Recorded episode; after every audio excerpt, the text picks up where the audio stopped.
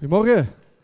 Ehm, terwijl ik mijn half minuutje even installeer, gelieve uw Bijbel te nemen, digitaal of papieren versie. U mag kiezen.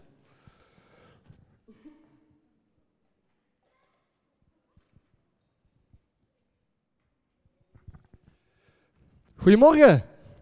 Oh, goedemorgen. Right. Voor zover ik u nog niet heb gezien in het nieuwe jaar, mijn beste wensen van mij en mijn gezin, voor jullie allemaal. Ehm, vandaag gaan we aan de slag met eigenlijk een thema dat heel mooi in de zangdienst naar voren is gekomen. Men zegt wel eens, de ene dag is de andere niet. Jullie zijn al, ik, jullie, we zijn op weg in ons leven en de ene dag is de andere niet. In de week, maandag, dinsdag, woensdag, dan ga je verder en dan kom je weer bij maandag en dan gaat dat riedelke gewoon door. En in jouw leven zijn er dagen die eruit springen. Positief, maar ook dagen die eruit springen die moeilijk waren, die somber waren.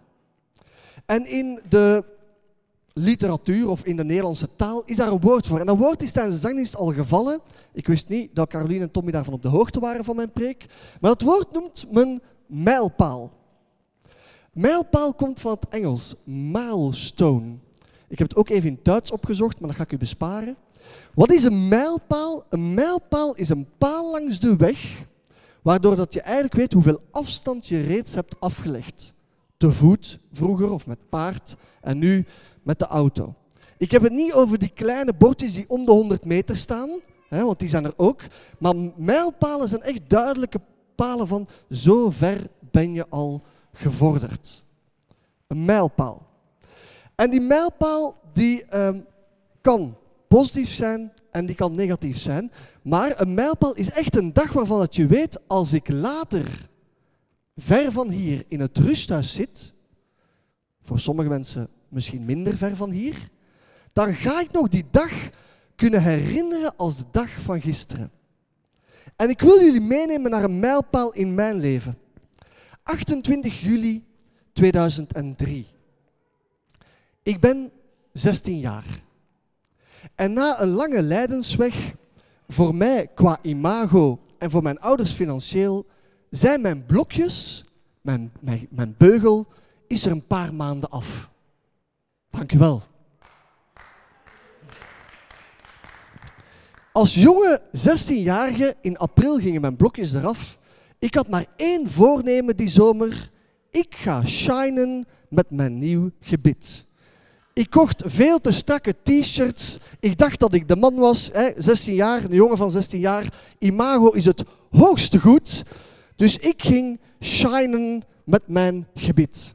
Ik moest nog even binnen met de tandarts voor twee wijsheidsstanden die werden getrokken, maar dan was ik vertrokken voor een zorgeloos tandenbestaan.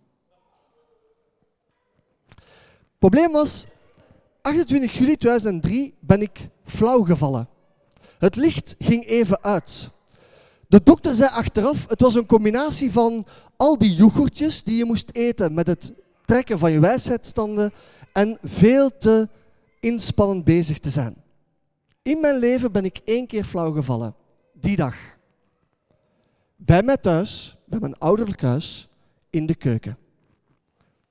Probleem is, ik ben redelijk frontaal flauw gevallen. Het licht ging uit en ik ben letterlijk op de tegelvloer bij mijn ouders thuis zo flauw gevallen.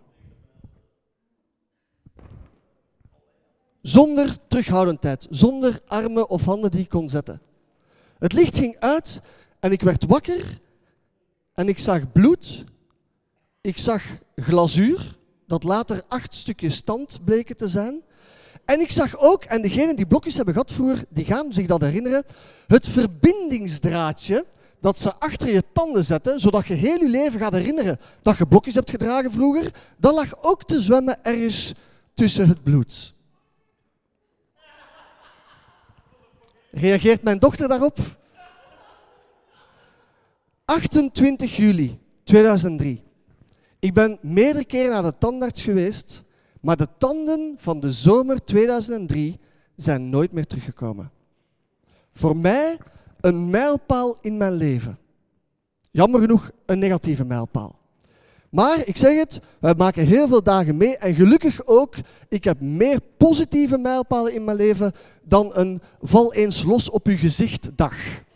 Dat was één keer en hopelijk nooit meer. Het thema vanochtend is gedenk Gods trouw. Gedenk Gods trouw. En waarom heb ik gekozen? Want initieel was het thema dat ik met Jasper had besproken, God is trouw. Maar dat vond ik te passief, want God is trouw, is wel mooi, maar als we de opdracht krijgen, gedenk Gods trouw, dan activeert dat ons. Dan moeten we daar iets mee gaan doen. En het thema dat ik daarbij heb is, gedenk Gods trouw door geestelijke mijlpalen te zetten in jouw leven. Ik herhaal het nog eens. Gedenk Gods trouw door geestelijke mijlpalen neer te zetten. Is een boodschap die ons in beweging zet. Wat is onze reactie als God trouw is in ons leven? Hoe gaan we dat vasthouden? Hoe gaan we dat markeren? Hoe houden we dat voor ogen? hey God, u bent met mij aan de slag. En dat is mijn boodschap. Hou dat vast. Gedenk dat geestelijke mijlpalen te zetten. In september, bij de start van de shelter, hebben we gesproken een maand lang over God is een God van relatie.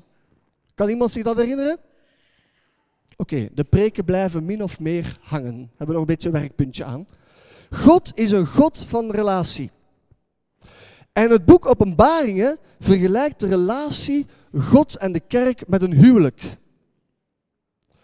Wij, de bruid, en Jezus, de bruidegom.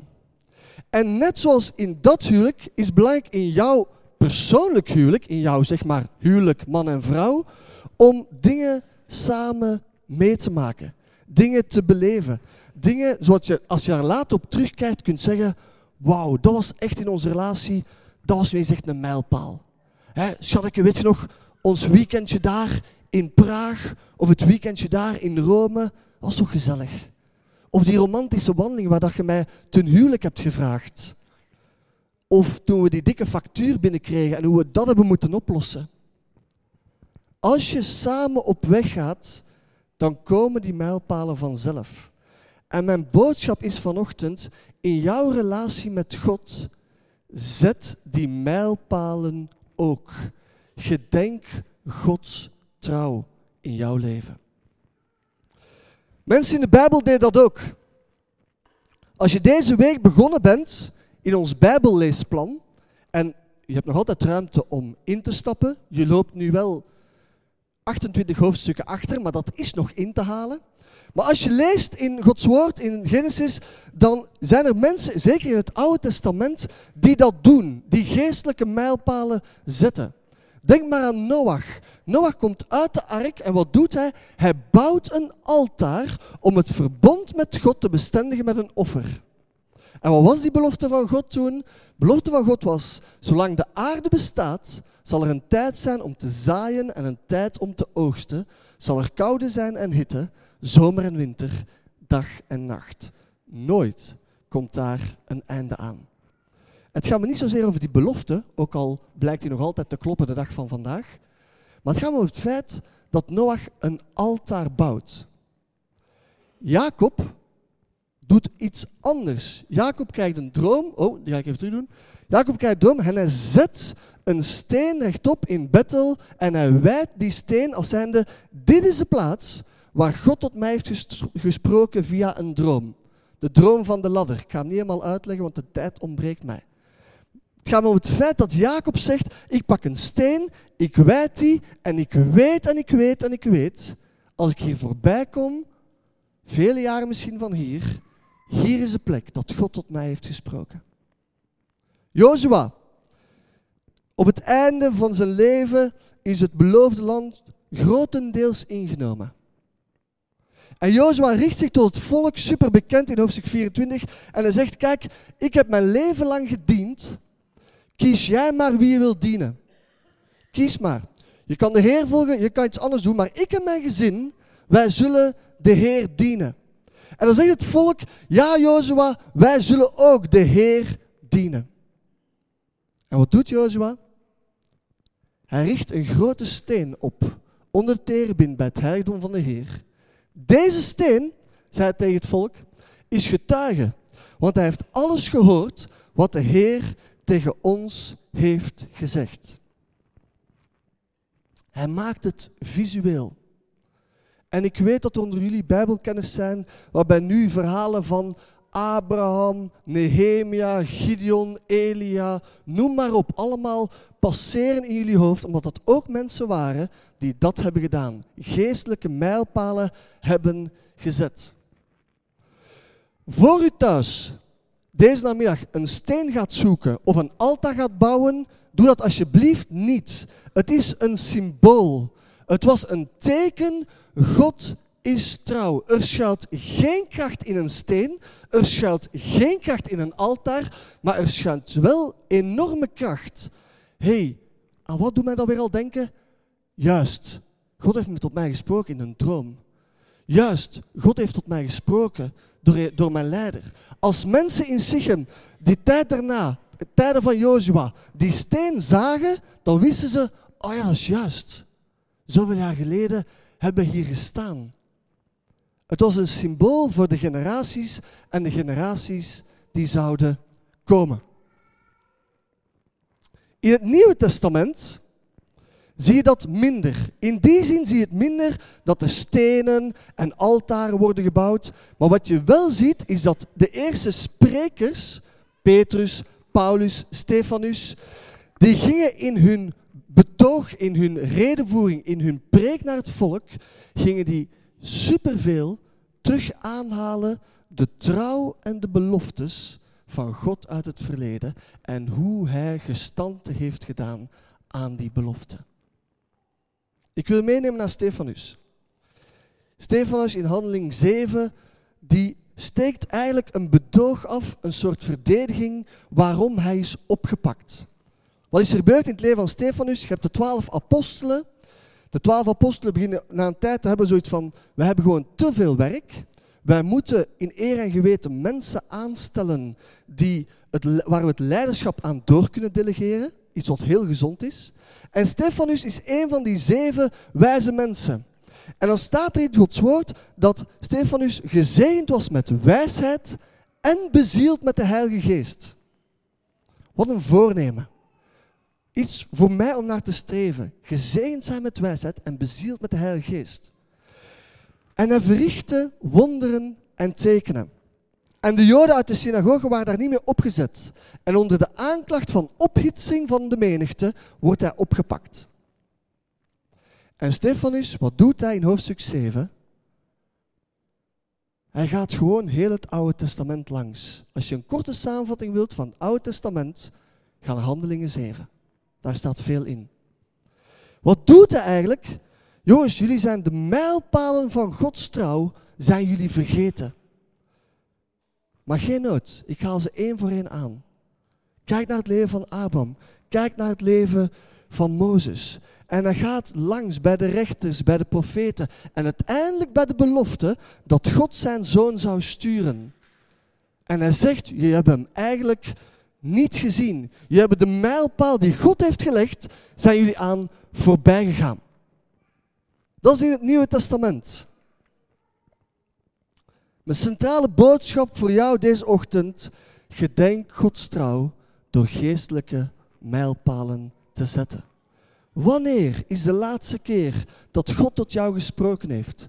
Wanneer was de laatste keer dat jij Gods bescherming echt hebt mogen ervaren in je leven? En doe daar iets mee. Maak dat visueel, maak dat concreet. Want God spreekt ook de dag van vandaag.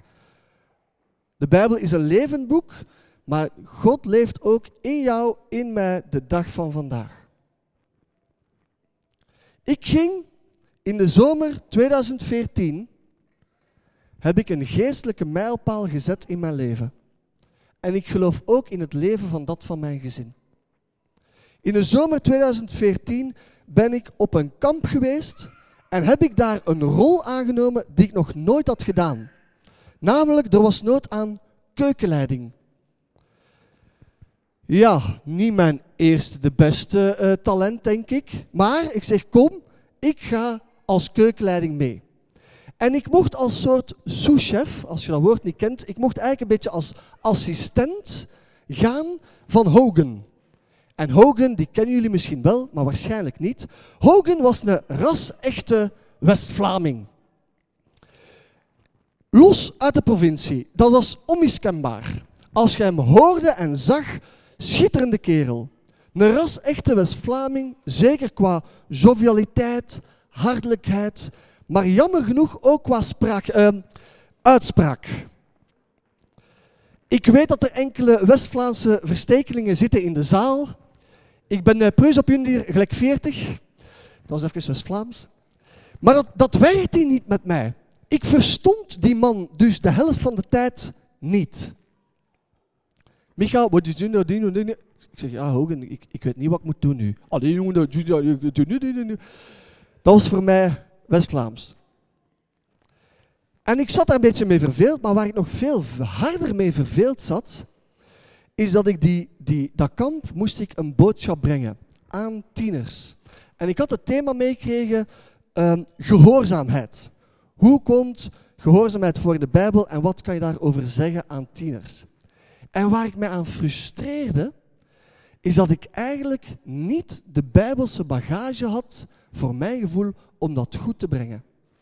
En ik had iets uitgewerkt op papier waar ik eigenlijk, als ik heel eerlijk was, totaal niet content mee was. Het waren zo algemene boetades waarvan ik dacht, als ik tiener zou zijn, hoe, hoe saai zou die preek dan zijn? En dat frustreerde mij. Dat ergerde mij. En heel die week had ik zo mij geërgerd dat ik zeg, Micha, het is echt tijd om Gods woord te gaan lezen. En God sprak dat ook echt tot mij. Van, Micha, als je wilt staan voor een groep en je wilt iets zeggen en je wilt mijn hart dichtbij brengen, dan ga je toch minstens een keer je Bijbel van kaft tot kaft moeten doorlezen. En niet vertrouwen op je zondagsschoolkennis, want it ain't gonna cut it. Einde van de kamp kregen wij net zoals vorige week een tekst mee naar huis. En ik kreeg deze tekst mee. Jezaja 45, vers 3. En er staat, ik zal je verborgen schatten, diep verborgen rijkdom, uh, uh, sorry, ik zal je verborgen schatten schenken, diep verborgen rijkdommen, dan zul je weten dat ik de Heer ben.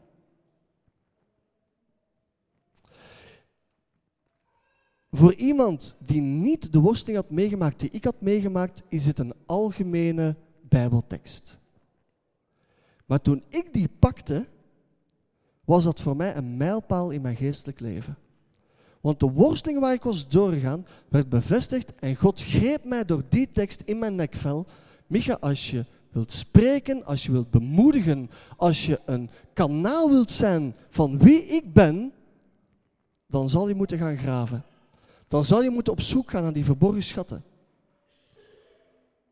En ik ben tot nu toe nog altijd onderweg om dat te doen. Ik ben thuisgekomen, ik heb dat kaartje vooraan in mijn studiebijbel geplakt.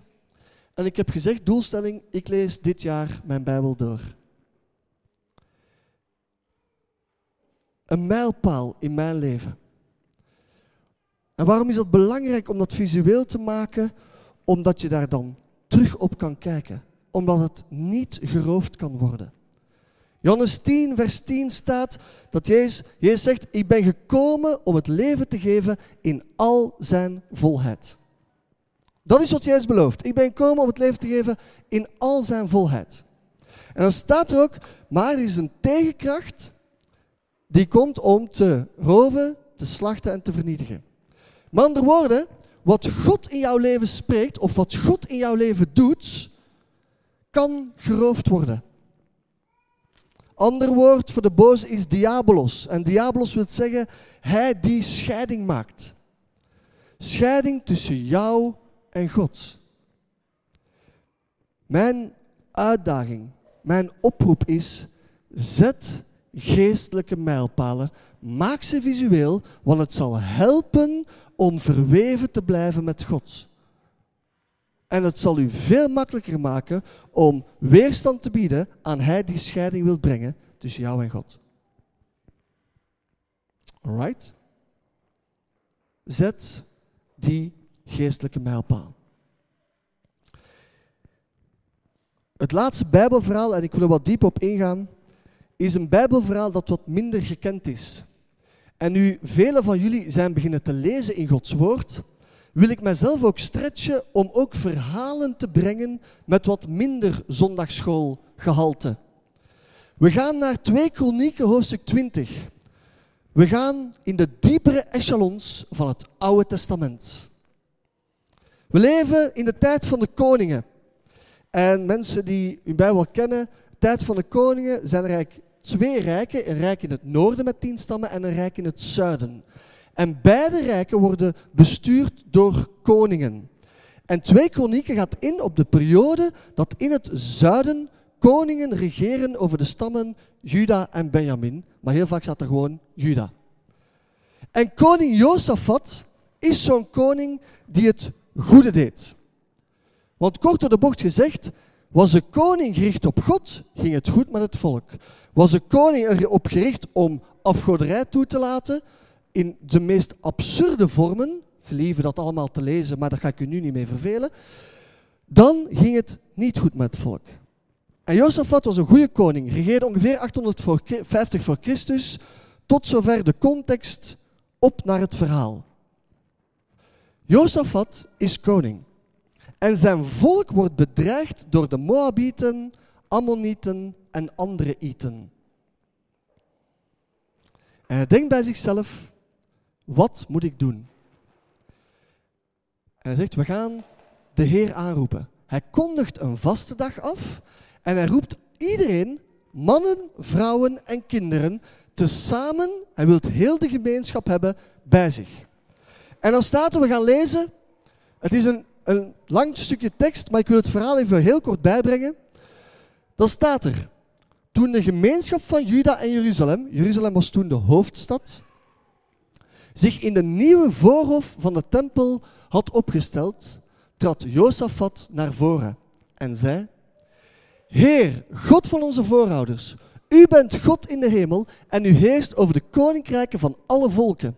In uw hand liggen macht en kracht besloten. Niemand kan zich tegen u verzetten.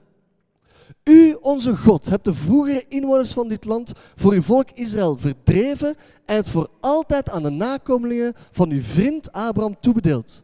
Zij gingen er wonen en bouwden er een heiligdom voor uw naam dat ze inwijden met de woorden Wanneer enig onheil ons treft en wij ons voor deze tempel voor u opstellen, in deze tempel woont immers uw naam, en u in onze ellende aanroepen, aanhoor ons dan en kom ons te hulp. We zijn niet opgewassen tegen de grote legermacht die ons nu aanvalt. We weten niet wat we moeten doen. Op u zijn onze ogen gevestigd. Heel Juda stond opgesteld voor de Heer. En in hun midden bevond zich ook Jachaziel. Die komt uit de stam van Levi. Hij werd ter plekke gegrepen door de geest van de Heer en zei: Juda en Jeruzalem, en u, koning Josafat, luister goed. Dit zegt de Heer. Jullie hoeven niet bang te zijn voor de grote legermacht die jullie bedreigt, want dit is niet jullie strijd, maar die van God. Ik had graag als inwoner van Juda geleefd onder de tijd van koning Jozefat. Een man die bij bedreiging iedereen bij elkaar roept. Iedereen moet komen. Mannen, vrouwen, kinderen, kom allemaal naar het forum van de tempel. En wat doet hij? Als het ware haalt hij de geestelijke mijlpaal van het volk Israël van onder het stof. En hij roept God aan. God, u hebt voor uw volk gezorgd. U hebt iets beloofd aan uw vriend Abraham. U hebt gezegd dat u met ons zou zijn als we worden aangevallen. Ik ga staan op de belofte die u hebt gegeven. En dat bemoedigt de Heilige Geest aan de hand van Jachaziel eigenlijk het volk door te zeggen, het is niet jullie strijd. Wees niet bang. Het is niet jullie strijd, maar het is de strijd van God. ik hoop dat ik het wat kort bij heb kunnen brengen. Dat het superbelangrijk is. Niet alleen om te kijken naar de geestelijke mijlpalen van vroeger, het volk van Israël, maar vooral om de geestelijke mijlpalen in jouw leven neer te leggen, op te schrijven. Misschien heb je een bepaalde foto waarvan je denkt, dat was een moment dat ik echt de Heer heb ervaren, dat hij heeft gesproken tot mijn hart. Kader die in, zet die op je bureau, maakt niet uit, maar maak het visueel, dat je zelf eraan herinnerd wordt. En ik lees mijn Bijbel en af en toe valt die open op het blad dat ik vooraan heb ingekleefd.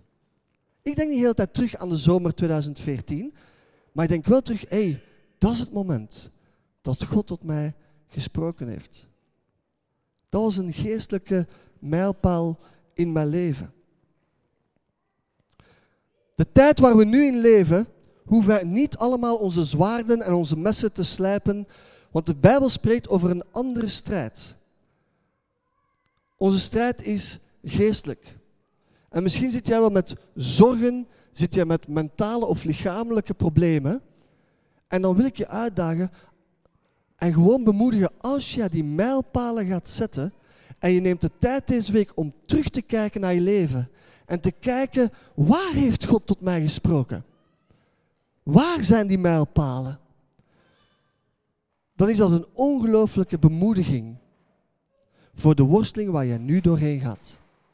Dan is dat een ongelooflijke bemoediging voor de worstelingen waar je nog door zult gaan.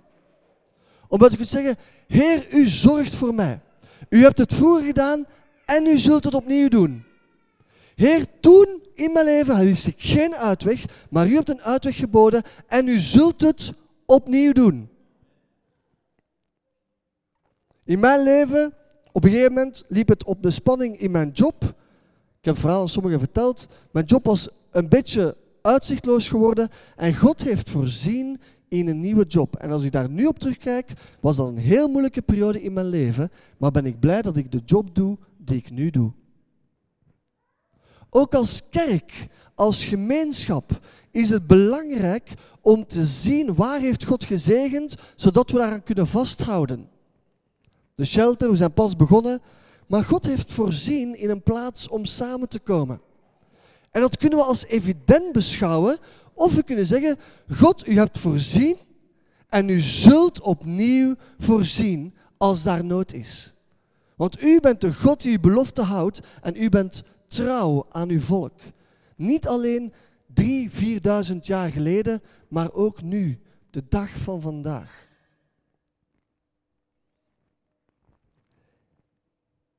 Ik wil jullie uitnodigen, als je elkaar ziet deze week, of je hebt straks een babbel bij de koffie, vraag dan eens aan elkaar. Heb jij zo'n geestelijke mijlpaal in jouw leven? In plaats van, hoe was de week? Gewoon eens vraag van, hey, wat is jouw geestelijke mijlpaal geweest? Hoe heeft God tot jou gesproken? Heb je dat kunnen vasthouden? Volgende week hebben we weer een moment dat we getuigenissen geven. Een mogelijkheid geven voor mensen om te zeggen, goh, dit heeft mij bemoedigd, of God heeft tot mij gesproken, of dit is er gebeurd in mijn wandel met God. Misschien is dat een moment om te zeggen, hey, ik wil de kerk bemoedigen met een geestelijke mijlpaal uit mijn leven. Ik wil daar iets over vertellen. Want dat bouwt op. Dat is enorm geloofsopbouwend. Als ik hoor hoe dat God in jouw leven werkt, is dat een bemoediging voor mijn leven. Daarom heeft God ons ook aan elkaar gegeven. Want ik kan wel geloven op mijn eentje, maar dan mis ik de rijkdom van wat God aan het doen is in een ander. En dan mis ik de rijkdom van te horen, God, u beweegt en u spreekt en u bent met mensen begaan, net zoals in de oude verhalen van het Oude Testament. Ik zou graag willen afronden. En ik wil heel graag gewoon een dankgebed uitspreken. Want ik wil God bedanken voor wie Hij is. En ik wil God danken voor hoe Hij met ons op pad is en Hij die mijlpalen samen met ons zal zetten. Maar voor ik bid, wil ik echt, en ik kan u niet dwingen, ik kan u die opdracht niet in uw plaats uitvoeren. Maar ga deze week eens zitten. Met uw vrouw, met uw partner of met alleen, maakt niet uit.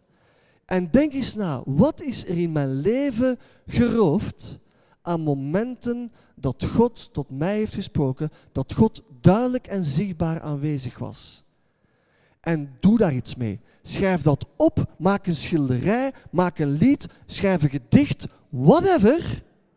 Maar hou vast aan wat er is gebeurd. En maak dat zichtbaar in je leven. En met zichtbaar bedoel ik echt letterlijk, zet het op een plaats waar je langskomt. Wat je ziet, liefst meerdere keren per week.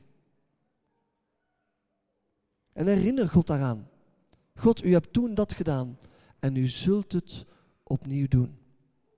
Right, laten we bidden.